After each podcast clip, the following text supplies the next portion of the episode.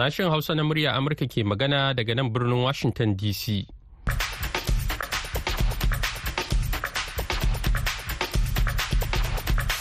Masu sauraro Assalamu alaikum barkanmu da wannan lokaci.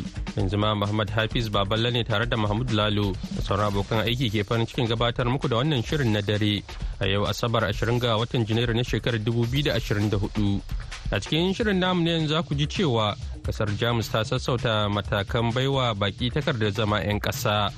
sannan za mu kawo muku hira da wani da ya daɗe yana sauraron sashen hausa na murya amurka kan cikar sashen shekaru 45 da kafuwa. Kama kowace rana asabar ibrahim kalmasi garba zai shigo mana da shirinsa na amsoshin tambayoyinku. Amma kafin nan sai a gyara zama a saurari labaran duniya.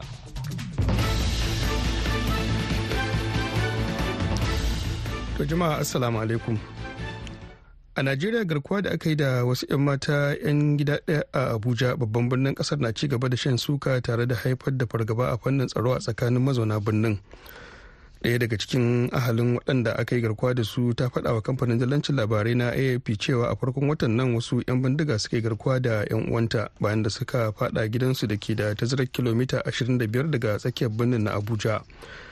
Ta kara da cewa 'yan bindigar sun halaka nabiha alkadiriya mai shekaru 21 bayan da aka gaza cika wa'adin kai kuɗin fansar da suka nema. Matsalar garkuwa da mutane ta zama ruwan dare a wasu sassan najeriya inda 'yan bindiga kan tsare babbar hanya ko su kai hari gidaje ko makarantu don sace mutane. Wing commander musa isa mai sharhi ne kan sha'anin tsaro a najeriya. Dole fa a dinga amfani da fasaha wurin gano mutanen nan. Na farko the most important shine ciwon ai preventing. A gano su tun kamun su kai su farga ko kuma su kai wannan harin a tsaida su saboda kar su kai harin. To sau'i bayan wata tattaunawa ta waya da Firayim Ministan Isra'ila Benjamin Netanyahu da shugaban Amurka Joe Biden suka yi yayin ganawa da manema labarai shugaba biden bai ba da mahimmanci ba kan matsayin da ya ɗauka ta rashin amincewarsa da netanyahu kan batun samar da ƙasar falastinu a matsayin wani abu da za a iya yi idan an kammala yaƙin da ake yi. Biden ya faɗa manema labarai a fadar white house cewa akwai hanyoyi da za a bi wajen samar da ƙasashe biyu masu zaman kansu a yankin inda ya kara da cewa mai yiwa netanyahu ya zaɓi ɗaya daga ciki. The president still believes in the promise and the possibility. Of a two-state solution. Kakakin Majalisar Tsaron Amurka John Kirby ke ne ke cewa har yanzu shugaba Biden yana mai amanna cewa za a iya samar da ƙasashe biyu a tsakanin Isra'ila da Falastinu amma dai lamari ne da sai an yi tukin tsaye. Wani hari da aka kai kan wani gida a Damascus babban birnin Siriya a yau Asabar ya halaka dakarun tsaron juyin juya halin ƙasar Iran huɗu a cewar hukumomin ƙasar waɗanda suka ɗora lakin harin akan Isra'ila. Hukumomin tsaron dakarun juyin juyin halin sun tabbatar da aukuwar lamarin ne a wata sanarwa da suka fitar da ta kafar yada labaran ƙasar ta iran. Ita dai isra'ila ba ta ce uffan ba kan harin wacce dama ba kasafai take magana ba idan ta aikata wani abu a siriyar. Labaran na zuwa muku ne daga nan sashen hausa na muryar amurka a birnin washington dc ƙungiyar tarayyar turai ta ce za ta ƙara himma wajen ƙera makamai a wani mataki na ganin ta kai ma ukraine ɗauki kan kiran da take yi na neman tallafi a yaƙin da take yi da rasha wanda yanzu aka doshi shekaru biyu da farawa. Kwamishinan harkokin kasuwancin cikin gida na ƙungiyar ta eu theory brighton ya ce nan da zuwa ƙarshen shekarar nan za su iya samar da harsashe aƙalla miliyan ɗaya da ɗigo uku. Wannan sanarwa na zuwa ne yayin da ƙungiyar tsaro ta neto ke shirin gudanar da wani atisayi a mako mai zuwa. Yayin da ake fargabar yaƙin na ukraine da rasha zai iya fantsama zuwa wasu ƙasashen nahiyar turai. Top officers say the drills are to show that the alliance can defend all of its wakilar kamfanin dallancin labarai na ap kenan take cewa manyan jami'ai sun ce wannan atisaye na tauna tsakuwa ne domin aya ta ji tsoro a kuma nuna cewa ƙungiyar za ta iya kare yankunanta har zuwa kan iyakar rasha. Algeria da burkina faso sun tashi da ci biyu da biyu a wasan da suka kara a gasar kofin nahiyar afirka ta afcon da ake yi a coast. Dan wasan burkina faso mohamed kanute ne fara zira ƙwallo a ragar algeria gab ana shirin tafiya hutun rabin lokaci. Sai dai bayan an dawo daga hutun dan wasan algeria bagdad boneja ya farke ƙwallon a minti na 51 a cikin minti na 70 ne kuma burkina faso ta sake samun wata damar inda dan wasanta veteran traore ya zira ƙwallo ta biyu a raga algeria ta hanyar bugun penalty.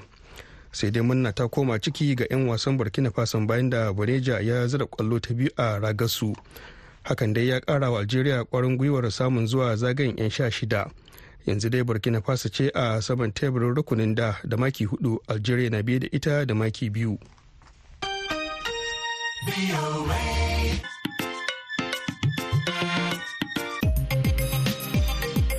Labaran duniya aka saurara daga nan sashen hausa na murya amurka a birnin washington dc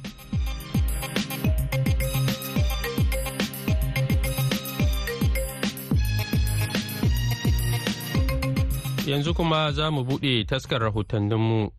Majalisar dokokin jamus wato bundestag ta amince da wata sabuwar doka da ta sassauta matakan baiwa baki 'yan ƙasashen ƙetare damar zama 'yan ƙasa. Dokar ta rage shekarun mallakar fasfon daga takwas zuwa biyar. Lamarin da ya sa miliyoyin ƙasashen ƙetare suke ta nuna farin cikinsu a game da wannan dokar musamman 'yan ƙasashen afirka da ke rayuwa a ƙasar. Wakiliyar murya amurka a turai ramatu garba baba na ɗauke da rahoto daga bon to bayan dai an jima ana kai ruwa rana a ranar juma'ar da ta gabata majalisar dokokin jamus ta bundestag ta amince da baiwa waɗanda suka shafa shekaru biyar a ƙasar fasfo na ɗan ƙasa a maimakon shekaru takwas zuwa goma da ake shafewa a can baya. Sanarwar shakka babu ta jefa dubban mutane cikin yanayi na farin ciki. Wasu 'yan ƙasashen afirka da muryar amurka ta tattauna da su.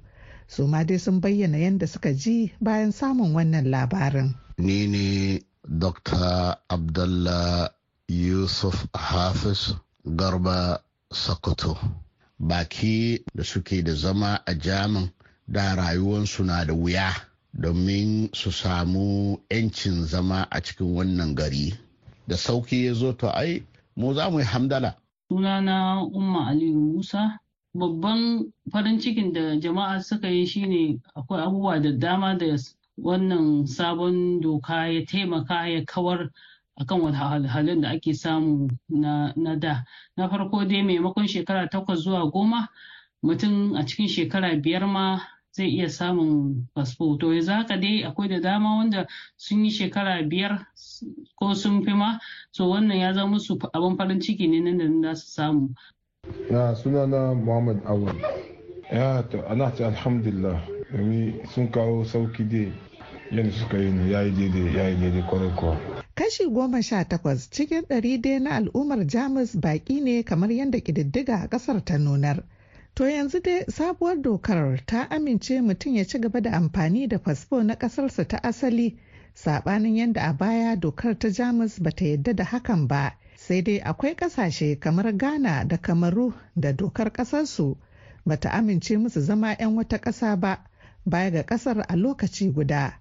Leo King ɗan Kamaru ne da ke son ganin gwamnatin ƙasarsa ta janye wannan haramcin. I received the news with so much joy. However, as a Cameroonian, I am sad because my country, despite the, duk da na ji daɗin wannan labarin sai kuma murna ta koma ciki ganin a matsayina na ɗan kamaru kafin na ci gajiyar dokar sai na sallama fasfona na kamaru. Kiran da zan yi ga gwamnatin ƙasata ta kamaru ta sake nazari na amfani da fasfon ƙasashen guda biyu. Sabuwar dokar ta tanadi a baiwa waɗanda suka cika shekaru uku a ƙasar katin ɗan ƙasa na dindindin musamman ga waɗanda suka ba da himma a laƙantar harshen jamusanci da masajewa da al'adun ƙasar. Wannan ya sa Dr. Abdullah Yusuf Hafiz Garba Sokoto, masanin zamantakewar iyali a ƙarƙashin ma'aikatar harkokin cikin gidan Jamus, ya ƙara jan hankalin rukunin da ke fatan samun takardar. Koyon yaren garin wajibi ne, ko da lokaci dukkan tulin shekarun da kai a cikin wannan gari sai an kawo ma wanda je ma translation to shi ka ga nan da nan shi su gaji da kai kuma ya kiyaye da sabawa ma dokokin garin. Kun kai qualifying a baka citizenship a yau she sun je sun yi bincike irin naka rayuwa a cikin wannan gari. Kana da wasu criminal acts almisali rashin gaskiya da ta'addanci don suka ga haka game da wannan ya bar su hana. Ana ba wasu amma kai shi a hana ka. Kuma suna da gaskiya. To fasfo na ƙasar Jamus dai na ɗaya daga cikin fasfuna mafi ƙarfi a duniya inda yake bayar da damar shiga ƙasashe akalla ɗari da casa'in ba tare da biza ba. Ramatu Garba Baba, muryar Amurka daga birnin Bonn na tarayyar Jamus. A gaida Ramatu Garba Baba da wannan rahoton.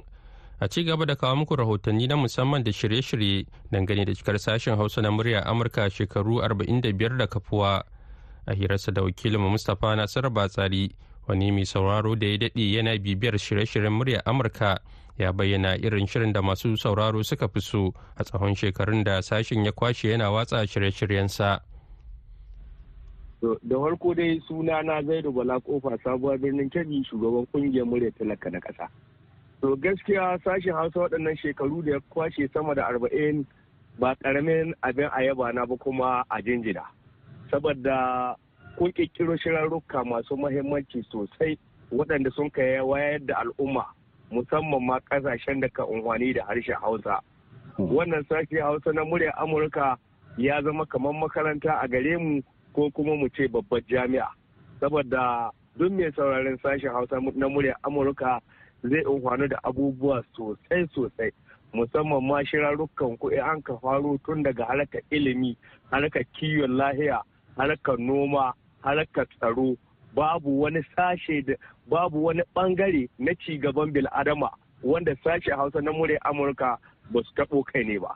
Don haka muna ganin da cewa koyaushe koyaushe duk mai sauraren sashen hausa na muryar amurka zai unwane da abubuwan sosai musamman ma yadda kuka gayyato masana masu ilimi suna wayar da kan al'umma koyaushe. Da haka wannan abu abin a yaba na. Da wata allah ya gwada muna koyi shekarun maiki To menene shawara musamman ga ma'aikatan sashen hausa na muryar amurka a kan aikinsu? To shawarar da zan ba sashen hausa na muryar amurka su riƙe aikin su sa kishi na ƙasa gaba. Saboda ƙasashe da yawa na suka wa aiki. To duk ƙasar da haka wa aiki in najeriya ta in niger in kamaru in chadi ka tsaya ka yi abin da ya dace kuma da al'ummar da hake cikinsu kaka ɗauko report saboda aiki duk babu aiki wanda adda haɗari duniya irin aikin jarida musamman ma aikin rediyo. Dan kure kaɗan zai jawo sanadin tashi hankali da rikici wanda ba a taɓa tsammani ba. To kun ga da cewa shekarun baya har zuwa yanzu Allah ya kare ma'aikatan sashen Hausa na muryar Amurka ga irin shiga waɗannan abubuwa. To shi yasa muke kira gare ku muke ƙara ba ku shawara.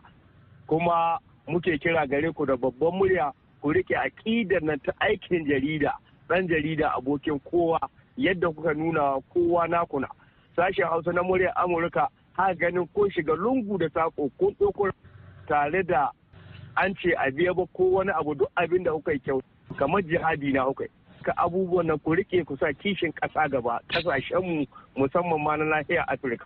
To yanzu Hajji Zaidu kaman akwai wani shawara da kake gani a cikin shirye-shirye wanda kake gani ya kamata a yi gyara ko kuma a ci gaba da shi a haka. To musamman ma shirin da koyaushe duka so ya ƙara ba da shawara. Akwai ra'ayi daga bakin mai shi wanda kuka ba da dama ranar asabar da lahadi da sahe masu saurare na hitowa su waɗi albarkacin bakin su ba albarkacin baki ba a waɗin ra'ayoyi waɗanda na a gyara na zuwa ga shugabanni da talaka. Wannan shiri yana da mahimmanci sosai kuma an yi shekaru ana yi ne kuma yanzu ba a yi ne. Saboda masu saurare na unhwana da shi talakawa na unhwana da shi. Saboda mu masu saurare muna ganin abin da ku ma'aikatan ba ku gani. To shi ya samu a ganin da cewa wasu shirye-shiryen ku duk da an ka bari lafiya lau suke tangararar ana sauraren su yadda ya kamata.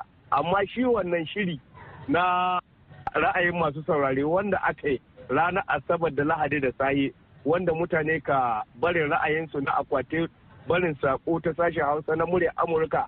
To wannan shiri mu masu saurare muna son a su mu da shi. To daga ƙarshe yanzu hajji zaidu bala wace fata kake yi ma gidan rediyon nan na murya amurka? To fatar da nika wa wannan gida na murya amurka babu abin da nika yi muku fata illa allah ya biya ku. Allah ya saka muku da alheri kuma wannan ci gaba da kun ka kawo mun san da cewa dole mu jinjina muku.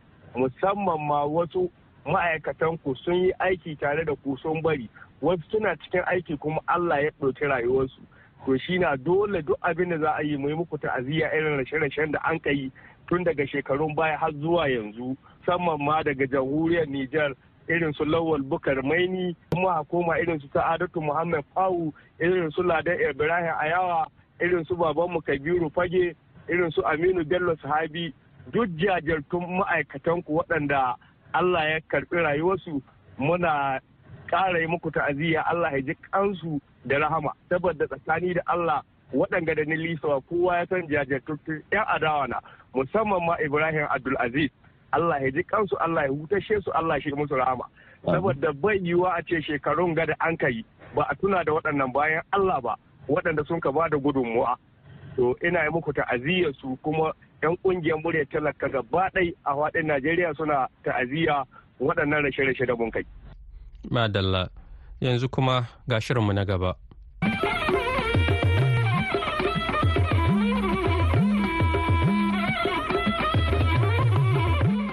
Masu sauraron mu Assalamu alaikum barkanmu da sake saduwa a wannan shirin na amsoshin tambayoyinku.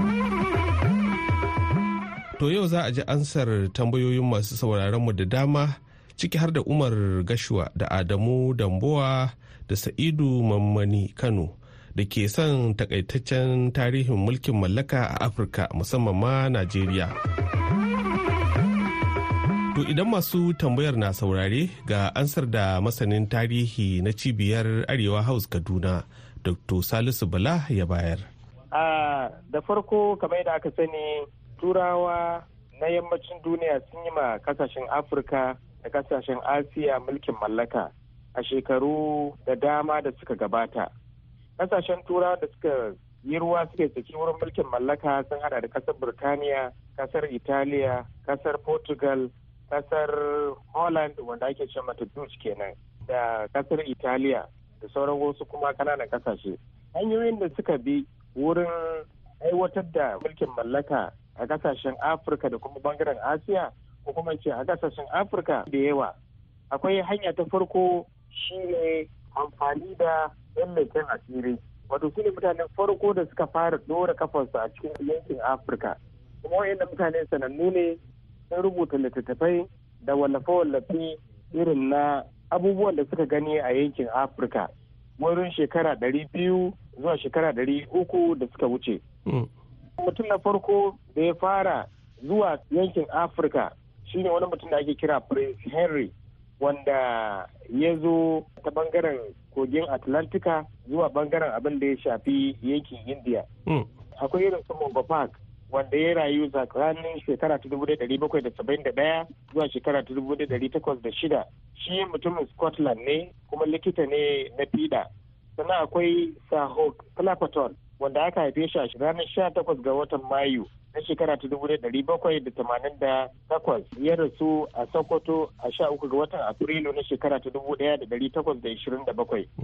Sannan akwai richard lemon landa daga shekara ta dubu ɗari takwas da huɗu zuwa shekara ta dubu ɗari takwas da talatin da huɗu. Wannan mutumin ingila ne ya zo yankin afirka sau uku. To akwai su suna nan da yawa waɗanda suka zo akwai henry bad wanda aka haife shi a sha shida ga watan fabrairu na shekara ta dubu ɗari takwas da ishirin da ɗaya wanda mutumin ƙasar jamus ne. Ya iya rubutun larabci ya kuma iya magana da larabci. Ya yi rubutu ya yi wallafe-wallafe wanda ya rubuta wani katin littafi mai juzuyi guda biyar da turanci da kuma harshen jamusanci. A inda ya faɗi kasuwanni da yanayin yadda ake cinikayya da yanayin yadda ake kasuwanci da yanayin yadda ake tafiyar da mulki da yadda mu'amala take a ƙasashen afirka. Wayannan mutanen da suka ba da bayanai na leken asiri da turawan mulkin mallaka da shekara ɗari ta zagayo shine sai suka fara turo mutane yana gudanar da harkar irin kasuwanci kuma abin da ya shafi leken asiri na jama'ar mutanen afirka. Hanya ta biyu da suka bi ita ce kafa amfani da manya-manyan kamfanonin yan jari hujja wato trading companies kenan a turance. To idan ka duba za ga duk yankin da ka je na ƙasar afirka za ga akwai irin waɗannan manya-manyan kamfanoni da aka kafa domin riƙe tattalin arzikin mutanen ƙasashen afirka ta ɓangaren noma da kuma abin da ya shafi kasuwanci. Misali akwai british east africa company wanda aka kafa shi a gabacin wato afirka a shekara ta dubu ɗari takwas da tamanin da takwas wanda shi ne ya tabbatar da kame ƙasar kenya ta dawo ƙarƙashin mulkin mallaka ƙarƙashin wato mulkin birtaniya har zuwa shekara ta dubu ɗari takwas da casa'in da uku. Sannan akwai british south africa company bsac kuma an kafa su a shekara ta dubu ɗari takwas da tamanin da tara ƙarƙashin jagorancin wani da ake ce masa cecil john road wanda suka amfani da ƙarfi wurin dawo da yankunan malawi da yankunan zambia da yankunan zimbabwe a gargashin 'yan mulkin mallaka.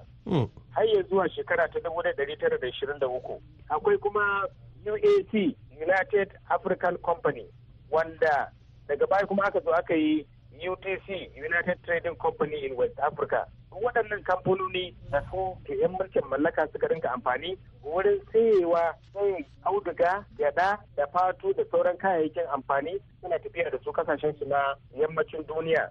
Sannan abu na uku shine mulki da suka tabbatar da shi ta hanyar amfani da sarakunan gari. Misali kamar a arewacin Najeriya an yi amfani da sarakunan gargajiya wurin mulkar jama'a ta hanyar da mutane za a tilasta musu su noma abubuwan da ake so ba abubuwan da za su ci da kawunansu ba. Misali a arewacin najeriya irin wannan mulki ya tabbata sannan shi lugard ya sake ɗabbaka irin wannan mulki na amfani da sarakuna a ƙasashen yammacin afirka wato area da ya shafi zanzibar kenan. Amma abin bai tasiri ba. Haka na aka zo aka amfani da irin wannan tsari na indirect rule a yankin yamurai inda ba su da sarakuna shi ma bai yi tasiri ba. Amma irin wannan mulki ya fi tasiri a lokacin da misali aka kafa shi a arewacin najeriya ta hanyar amfani da shi lullugat wanda shi lullugat ɗin nan da shi ne aka yi amfani aka gudanar da wannan tsari na mulki. Sannan sun amfani da sojoji saboda suna da bayanai na leken asiri da aka ba su na cewa ga irin makaman da mutanen afirka suke amfani da shi wurin farauta da kuma tsare garuruwan. Saboda haka suka yi amfani da sababbin makamai na bindigogi da zamani wanda babu su a ƙasashen afirka.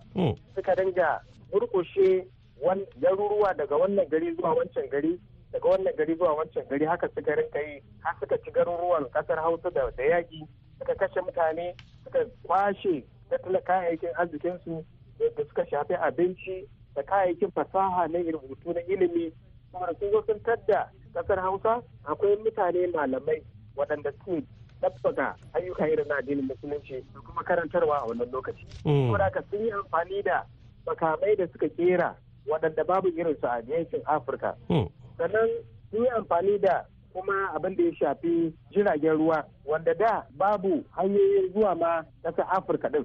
Dole sai dai a taho da kafa idan an zo kuma za a tadda ruwa ruwa ba zai bari turawa su ƙetare ba da yawa sun halaka a wannan yanki na ƙoƙarin tsallakawa. To da suka kera jiragen ruwan manya manya sai suka rinka shigowa suna zuwa. Suna zama a bakin gaba suna kuma tallan bayi da sauransu.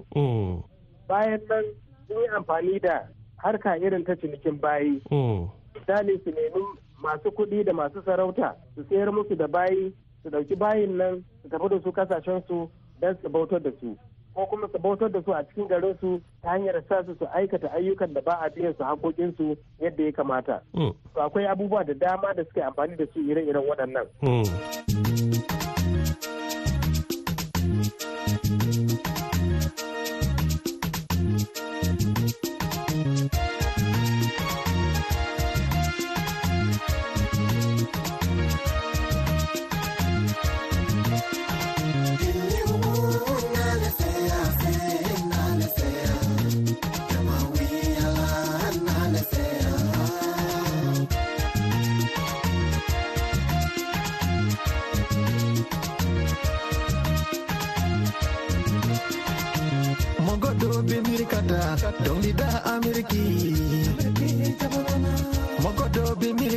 Mirkata dongida faransi nesa duka hamie katabo umwe nena malila kana maliyofo dili umudiaye umudiaye kama kama sabu kanumana femi baka ote chufa